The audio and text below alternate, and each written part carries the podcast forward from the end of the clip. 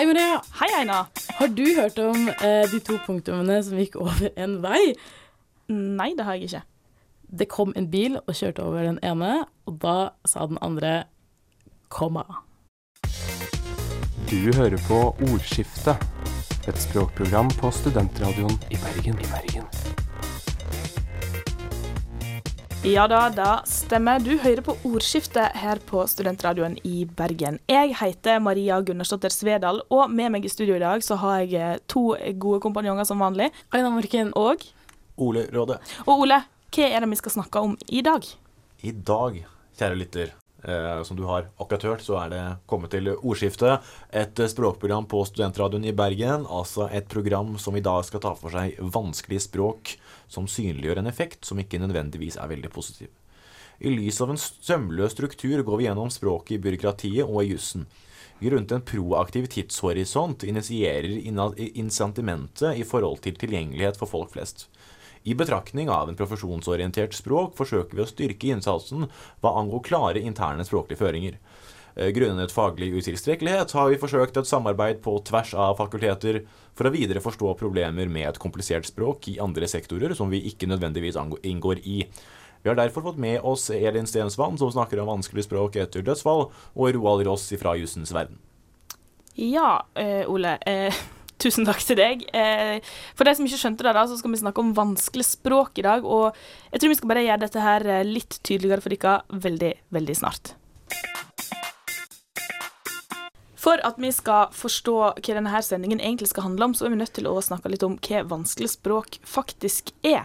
Og Ole, hva tenker du på når jeg sier vanskelig språk?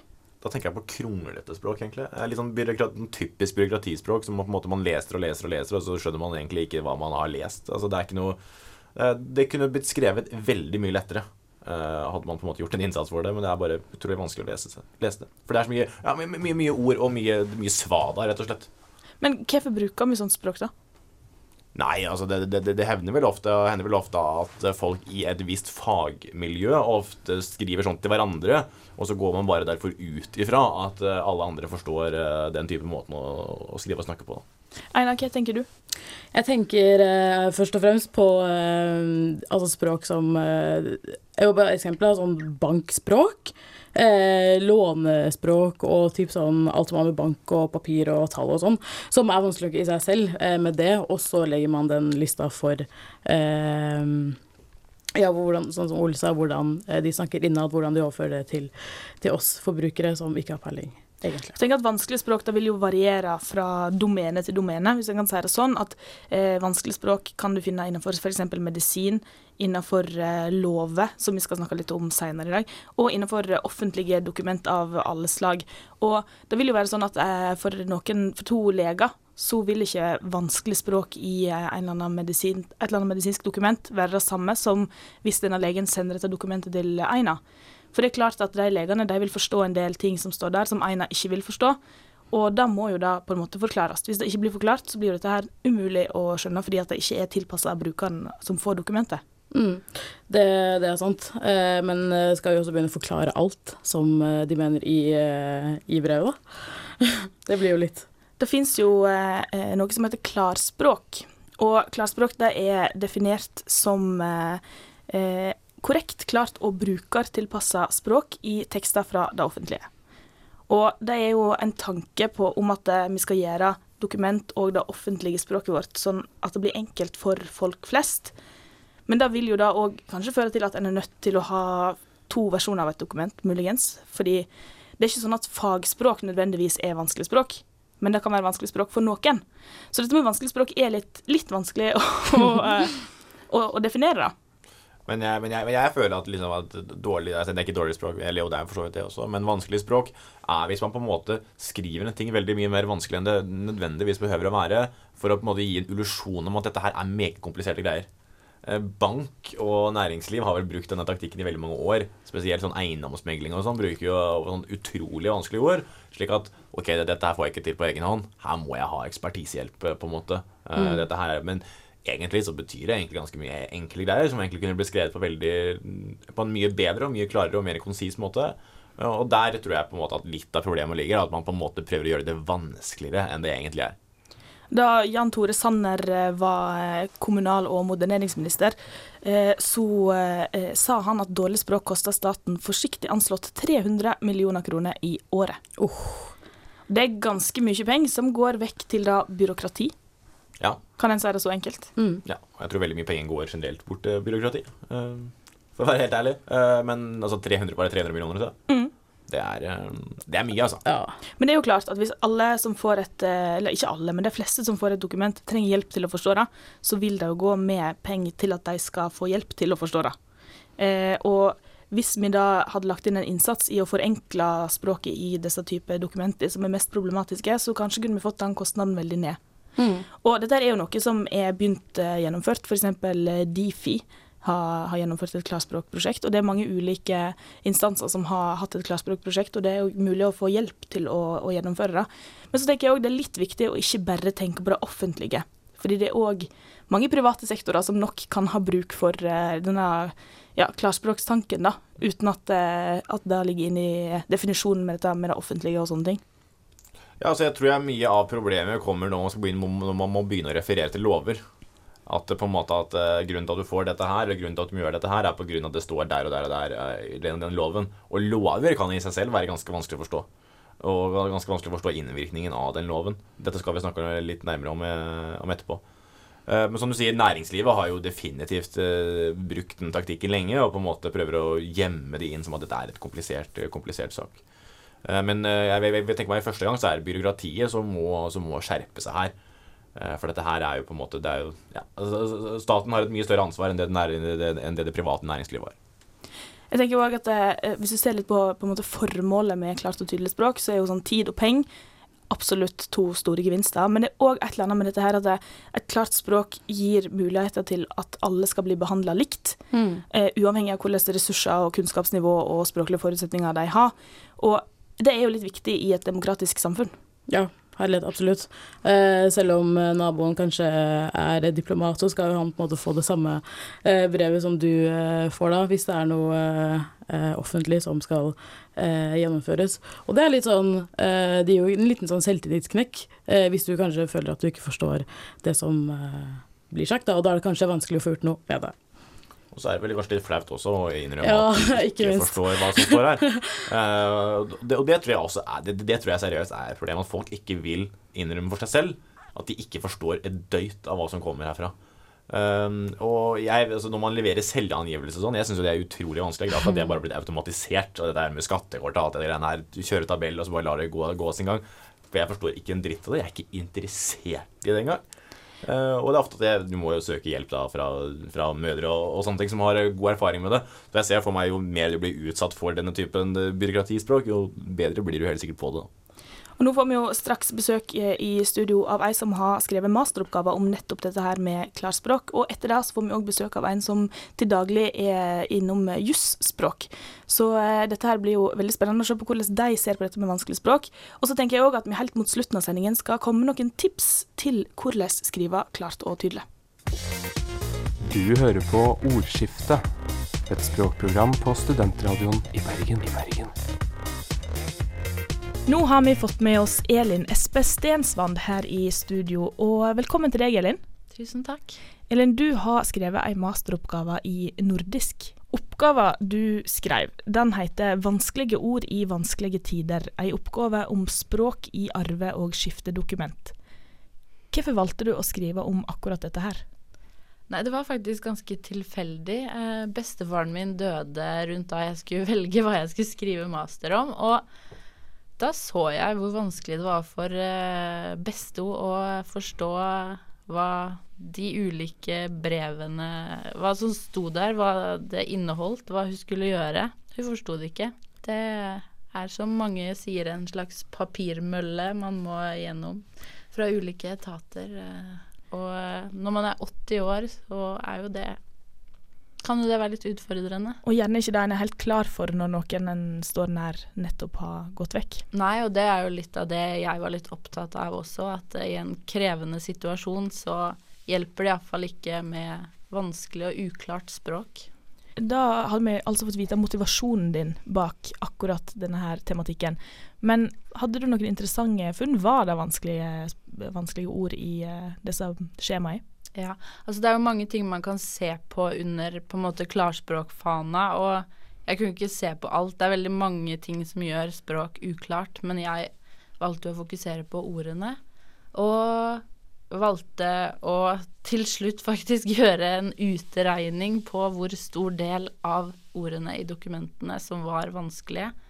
Og da fant jeg at det var eh, over 40% vanskelige ord i gjennomsnitt i disse skjemaene som jeg analyserte. Og det var eh, basert på 16 ulike brev og skjema.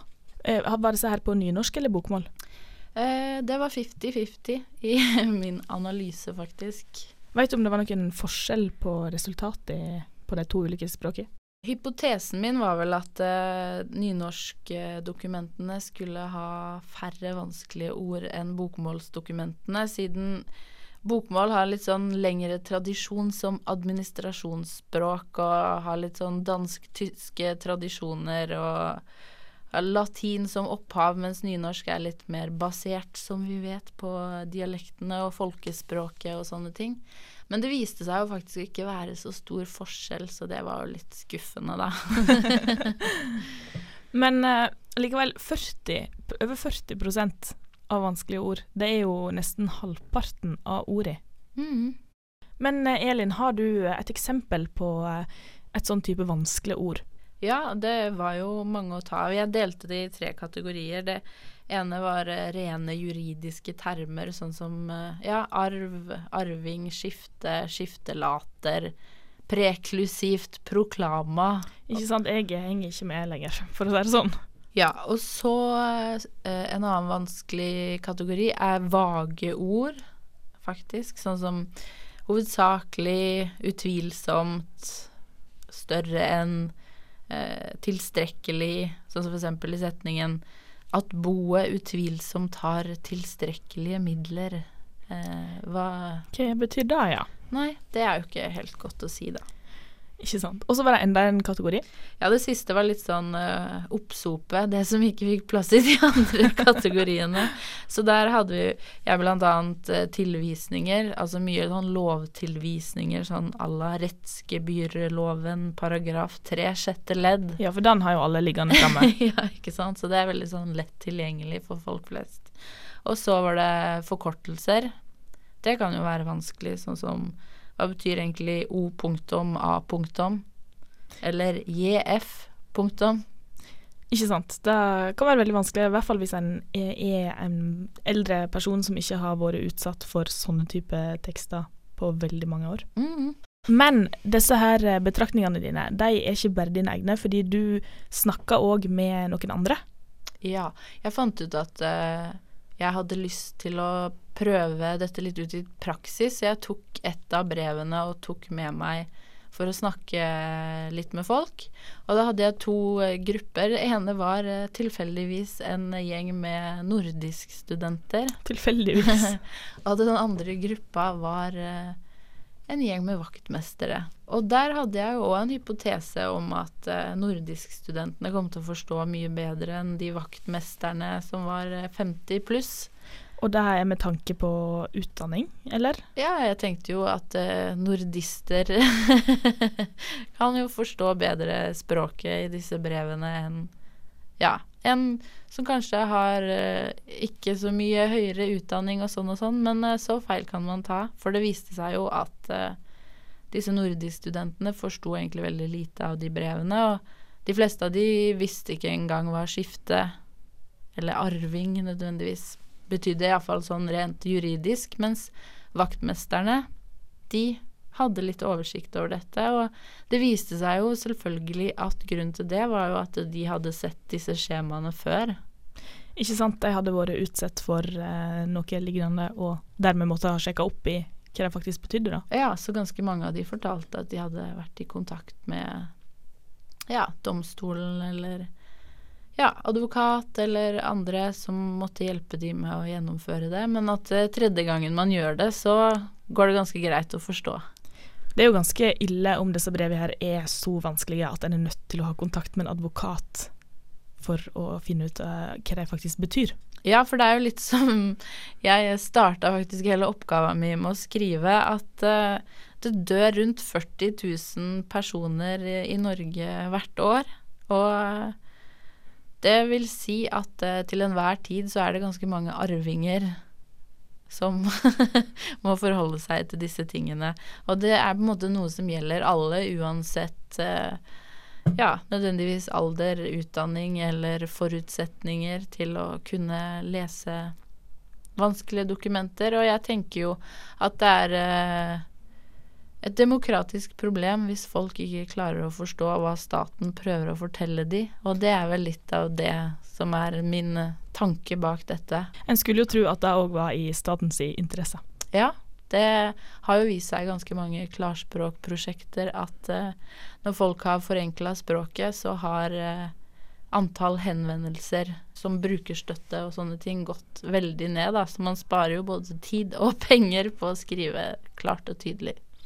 Det er altså en klar eh, oppfordring fra Elin Stensvann der. Tusen takk for at du kunne være på besøk til oss i Ordskiftet. Takk for at jeg fikk komme. Du hører på Ordskiftet et språkprogram på studentradioen i Bergen. I Bergen. Nå har vi med oss Roald Ross her i studio. Eh, Roald, du studerer juss på UiB, og eh, du er kommet her for å snakke litt med oss om språket i Grunnloven. Mm, stemmer. Og Ole, du kan jo kanskje gi oss en liten innføring i dette her med lovspråk før vi starter det hele. Ja, lovspråket er jo litt sånn at det, det er jo ikke absolutt alltid like tilgjengelig for alle mennesker. Eh, og spesielt da Grunnloven har jo på en måte vært et problem som har vært oppe til revidering nå i 2014. Eh, og tidligere har vært et, eh, det vært et problem fordi folk ikke forstår hva som står i, i Grunnloven. Um, så, det, så, derfor måtte vi da ta, ta, med oss en jurist da, og på en måte vite hvordan Eller iallfall kanskje ikke en jurist ennå, men, en utdannet snart. snart jurist. For å vite hvordan faktisk Grunnloven brukes, da, og, og, og hvor dette eventuelle vanskelige språket kan være et hinder videre. Og eh, du, Roald, har du liksom oppfatning av at språket i lovsamlingene er litt utilgjengelig for folk flest? Ja, jeg vil jo si det. Spesielt de eh, lovene som er gamle. De er jo veldig kronglete og vanskelig å skjønne på språk. Uh, mens uh, Grunnloven nå, da, som har blitt modernisert, den har jo blitt mer tilgjengelig, da. Og mye henger sammen med språket. For innholdet er jo egentlig ikke så vanskelig å forstå, men hvis språket begynner å bli kronglete, da er det fort å falle av, da. Men jeg holdt på å si, hvor, hvor mye er det du, du, bruker Grunnloven i ditt altså si, i, i virke som en jurist? da? Er, er, det på en måte dere som bruker Grunnloven mest? Uh, ja, også de på Stortinget bruker jo mye. Ja, så du vil på en måte si at stortingsrepresentantene også bruker, en stor, altså, altså bruker Grunnloven ganske aktivt? Ja, de bruker kanskje mer enn oss. Ja. For nå, de få gangene vi bruker det, så er det for å henvise til prinsipper i eh, rettsstaten, sånn som ytringsfrihet, maktfordelingsprinsipp osv., så, videre, så henviser vi ofte til Grunnloven uten å egentlig være så mye der og jobbe. da. Så går vi tilbake til en annen lov, og så er vi helst der og jobber. Ja, for det, det er vel sånn at Grunnloven er på en måte alle, alle lovers uh, mor, på en måte. At, det ja. er på en måte at den trumfer alt, da, om Stemmer. det skulle være en uenighet uh, der. Ja. Det er jo klart at Vi vil jo møte på et problem hvis det er sånn at uh, de som sitter på Stortinget, ikke forstår lovsamlingen. fordi de som sitter på Stortinget, kan ikke være dommere. Stemmer. Eller ja, det kan iallfall ikke være Det, det er pga. domstolen, altså pga. maktfordelingsprinsippet er delt opp, delt opp som, som, det er. Um, men det som på en måte også har vært, er på en måte at Stortinget er jo de som på en måte fremmer nye lover. Uh, og, de, og, de, fleste lovene skal må jo på en måte eller iallfall fall, ha en liten tilknytning til Grunnloven. Eller må i hvert fall være godkjent av Grunnloven. Da. De kan ikke bare fritt frem. Um, så det er vel egentlig kanskje stortingsrepresentanter som bruker det mest. Og der er det jo på en måte et hinder om språket er så vanskelig og så kludrete og så gammeldags at du må på en måte være en trent jurist da, for å forstå hva som egentlig står i, i, i Grunnloven. Um, så dette her er jo forskjellen på 1903 og da 2014-versjonen ehm, av, av, av, Grunnloven. Men holdt jeg på å si, uh, vi har jo også en todelt grunnlov. Mm. Altså en uh, bokmålsversjon og en nynorskversjon. Kan du ikke greie litt ut om det? Jo, i 2014 så var det jo litt debatt da, rundt om man skulle ha en eh, versjon på bokmål og en på nynorsk. Og man kom vel fram til det etter uh, mye om og men, at man, det skulle man ha. Og stikkordet, eller begrunnelsen til det, er jo egentlig tilgjengelighet. At uh, når du har det på to uh, målformer, så vil det være mer tilgjengelig for folk flest. Og det er jo i hvert fall et pluss, sånn jeg ser det, da. At Grunnloven, som er den høyeste rettskilden i hele Norge, hvis den blir mer tilgjengelig for folk flest, så er det jo mer som, eller flere som forstår seg på den. Og det må jo være pluss da i et demokrati, tenker jeg. Ja, for det, det er vel også den eneste loven som også er skrevet på begge målformene. Ja, stemmer. Eh, Det er det eh, eneste. Ellers i lovene så er den jo delt opp i enten bokmålsversjon, enten bokmål eller nynorsk. Er Aldri, aldri eh, samme på, på Altså nynorsk og, og bokmål har samme. Men, men, men dette er fordi at man ikke skal på en måte tolke de forskjellig. da At språket kan bli så forskjellig at man kan tolke nynorskversjonen annerledes enn man gjør bokmålsversjonen. Um, så, så, så, så hvordan tror du arbeidet der har blitt gjort i Grunnloven? Jeg foretrekker jo nynorskversjonen, fordi der så de jo på flere aspekter ved språket som dere kan mye mer om. Altså I bokmålsversjonen så så de egentlig bare på rettskrivningen, hovedsakelig av enkeltord. Uh, sånn som at eh, dom med stor D skal skrives med liten d, eller at dobbel A blir en Å istedenfor. Naturlig nok, tenker jeg da. Bør jo kunne leses på noe som ligner på vårt moderne Ja. Men du bruker altså nynorskversjonen. Er det noe du ville ha oppsøkt, med mindre du visste at den var enklere å forstå? Nei. Fordi Da jeg starta å studere, så tenkte jeg at uh, man ser jo det er to versjoner, bokmål nynorsk, og jeg er mest vant til bokmål, så da går jeg dit.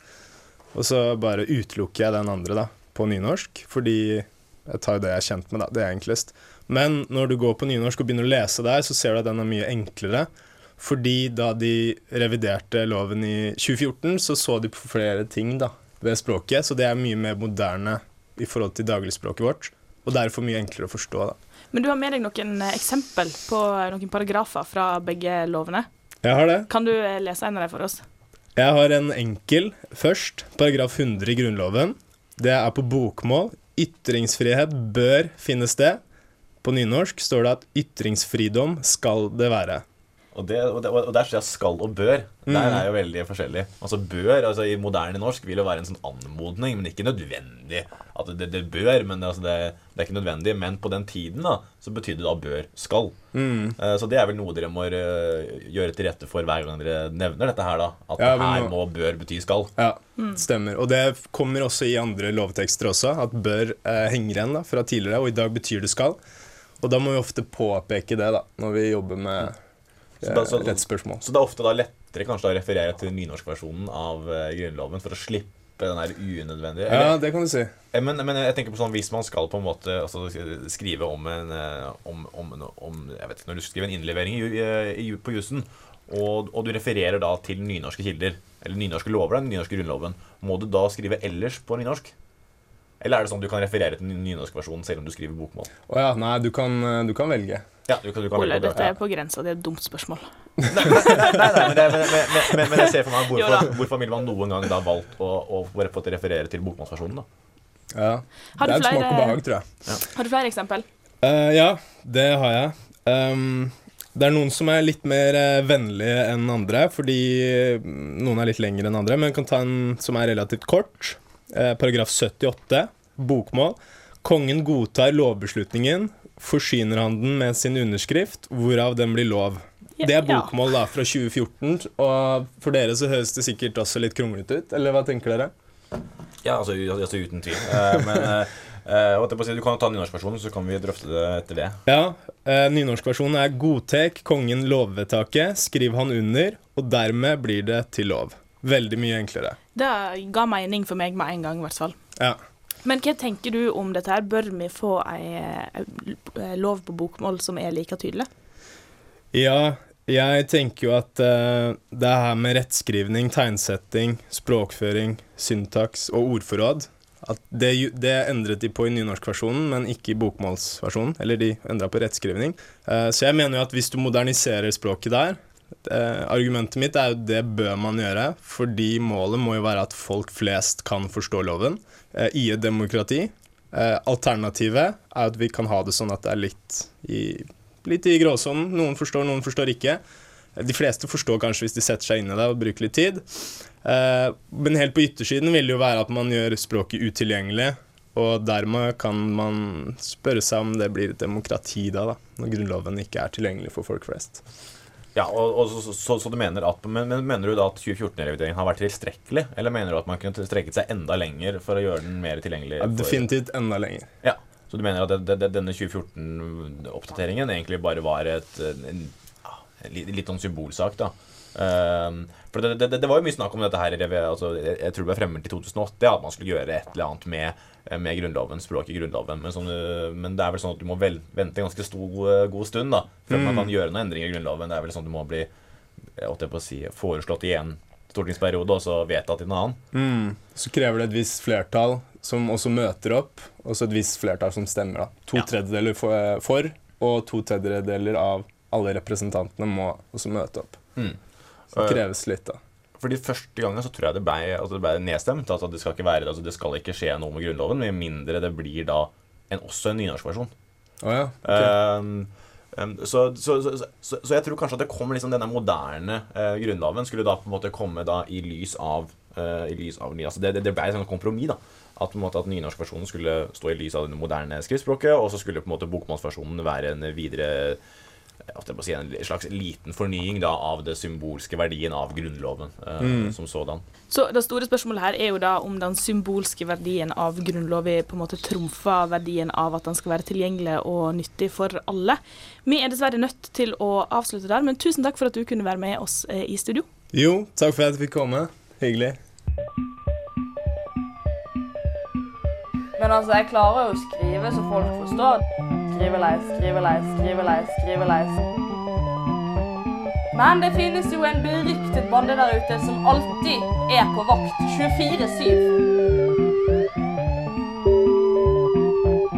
Språkpolitiet, vær så god. Hva kan jeg hjelpe deg med? Nå er det klart for Språkpolitiet her i ordskiftet, og eh, i dag så skal vi snakke om noe som du, Ole, er litt opptatt av. Ja, ja, ja kanskje det. Uh, nei, altså det er forskjellen da på subjekt- og objektsform i, i, ham og henne, da. Ja, og uh, kan du forklare liksom konseptet? Hva er det som er problematisk her? Nei, problematisk eh, spesielt. Altså vi bruker vel som regel, vil jeg tro, hun og henne ganske konsekvent og ganske riktig som i riktig subjektsform og objektsform. Mens vi ikke gjør det da i, i, i han og ham, mye fordi det ikke er påbudt å skrive ham. Altså Dette her ble, har vært lovlig siden 1917, om jeg ikke tar helt feil. Så for å forklare, da. Hun er subjektsform. Henne er objektsform. Ja. Han subjekt. Ham objekt. Mm. Men eh, du kan òg skrive han som objekt, og det er korrekt. Ja. Du kan ikke skrive hun og hun. Nei. Nei. Men eh, er det da problematisk at folk velger å skrive han som Nei. objektform?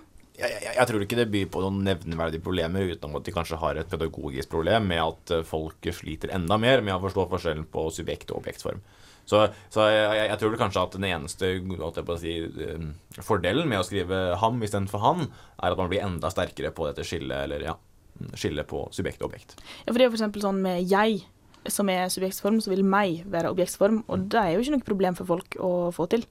Eh, og hvorfor skal vi da ikke ha det skillet i han og ham? Det har vel noe med at de, de, litt Altså de smelter litt sammen, da. Altså han og ham er veldig like ord. Og, på en måte, og jeg og meg og hun og henne har på en måte en god tradisjon i talemålet. Og med en gang at eh, på en måte talemålet svikter en del av eh, skriftspråket, så er det en, en, et tegn på at det, det, det, blir skiftet ut, eh, som regel. Men som sagt, innledningsvis så har dette her vært lov siden 1917. Jeg, jeg mener det var 1917. Og det, frem, og det lever fremdeles i dag. Uh, og det er også et, et tegn på at uh, folk synes at det er greit å skille mellom han og ham. Einar, bruker du dette skillet i ditt skriftspråk?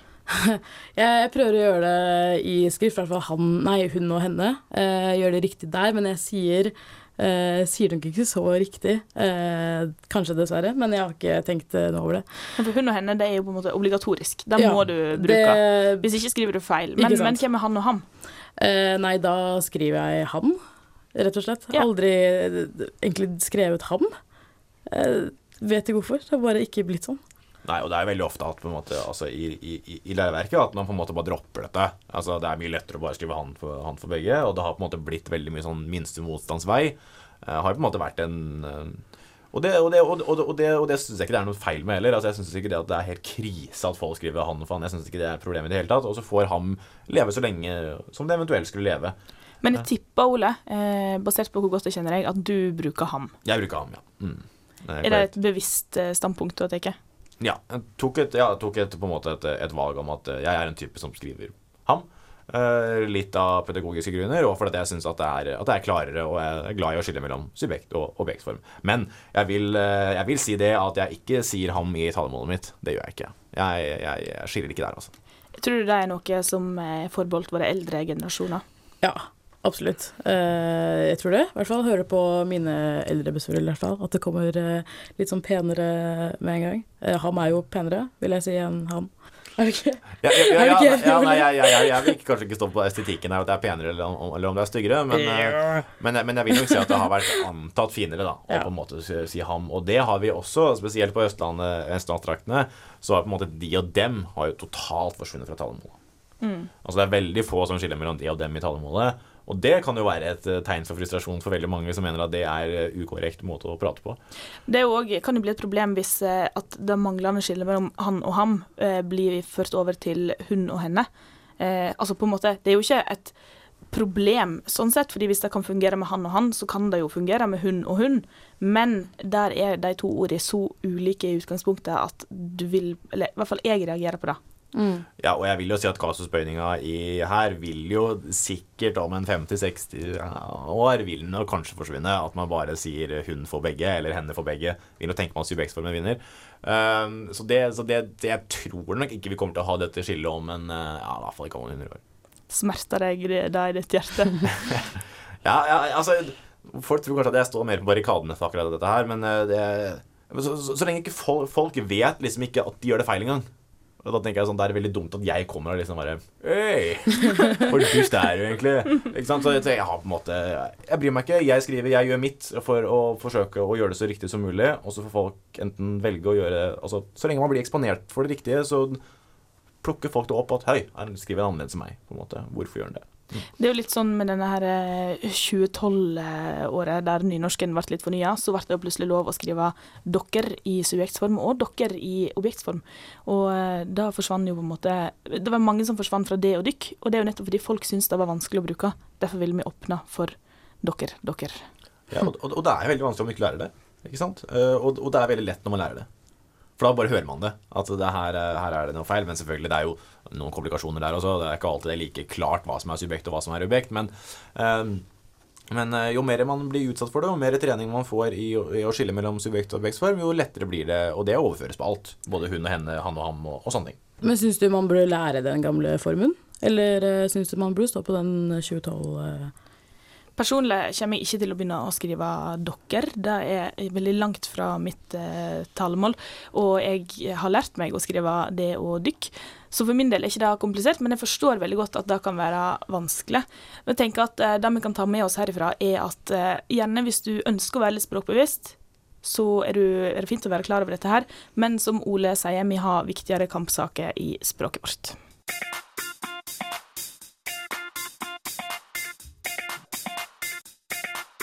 Nå begynner ordskiftet dessverre å nærme seg slutten for i dag, og jeg har i hvert fall lært en god del om dette med vanskelig språk. Men så tenker jeg for de som har lytta på denne sendingen, så eh, har du jo lært mye om hva vanskelig språk er, men kanskje ikke så mye om hvordan du kan unngå det. Så tenkte jeg, før vi gir oss helt, så skal jeg komme med fem tips til hva du kan gjøre for å skrive klart og tydelig. Tips nummer én er kom raskt til saken, gjerne allerede i overskriften. Tips nummer to ta bare med det som er relevant for mottakeren. Altså, du trenger ikke å ta med alt du vet, ta med det som mottakeren faktisk trenger å vite. Tips nummer tre lag en tydelig struktur, og det betyr eh, bruk avsnitt. Ha litt eh, luft i teksten din, ha litt mellomrom. Ja. Altså, jeg tenker at det er et veldig godt og nyttig tips. Absolutt. Tips nummer fire fortell hvem som skal gjøre hva. Og det betyr at eh, i en tekst, så hvis du skriver 'klage', så er det sånn man kan klage. Nei, det er du som kan klage. Du har mulighet til å klage. Siste tips er nummer fem, og det er å unngå upresise ord og uttrykk. Eksempel som vi snakker om i jusspråket, kanskje skal er litt tydeligere enn bør, hvis det skal du faktisk mener. Men med det sagt så er vi ved veis ende i denne sendingen, og da ønsker jeg å sende en stor takk til Elin Stensvand og Roald Ross som var med oss i studio i dag. Og så må alle huske å like oss på Facebook. Der heter vi Ordskifte, et språkprogram på Studentradioen i Bergen. Eh, gjerne like oss på Eller følg oss på iTunes, og gi oss fem stjerner der også. Du hører på Ordskiftet, et språkprogram på studentradioen i Bergen. I Bergen.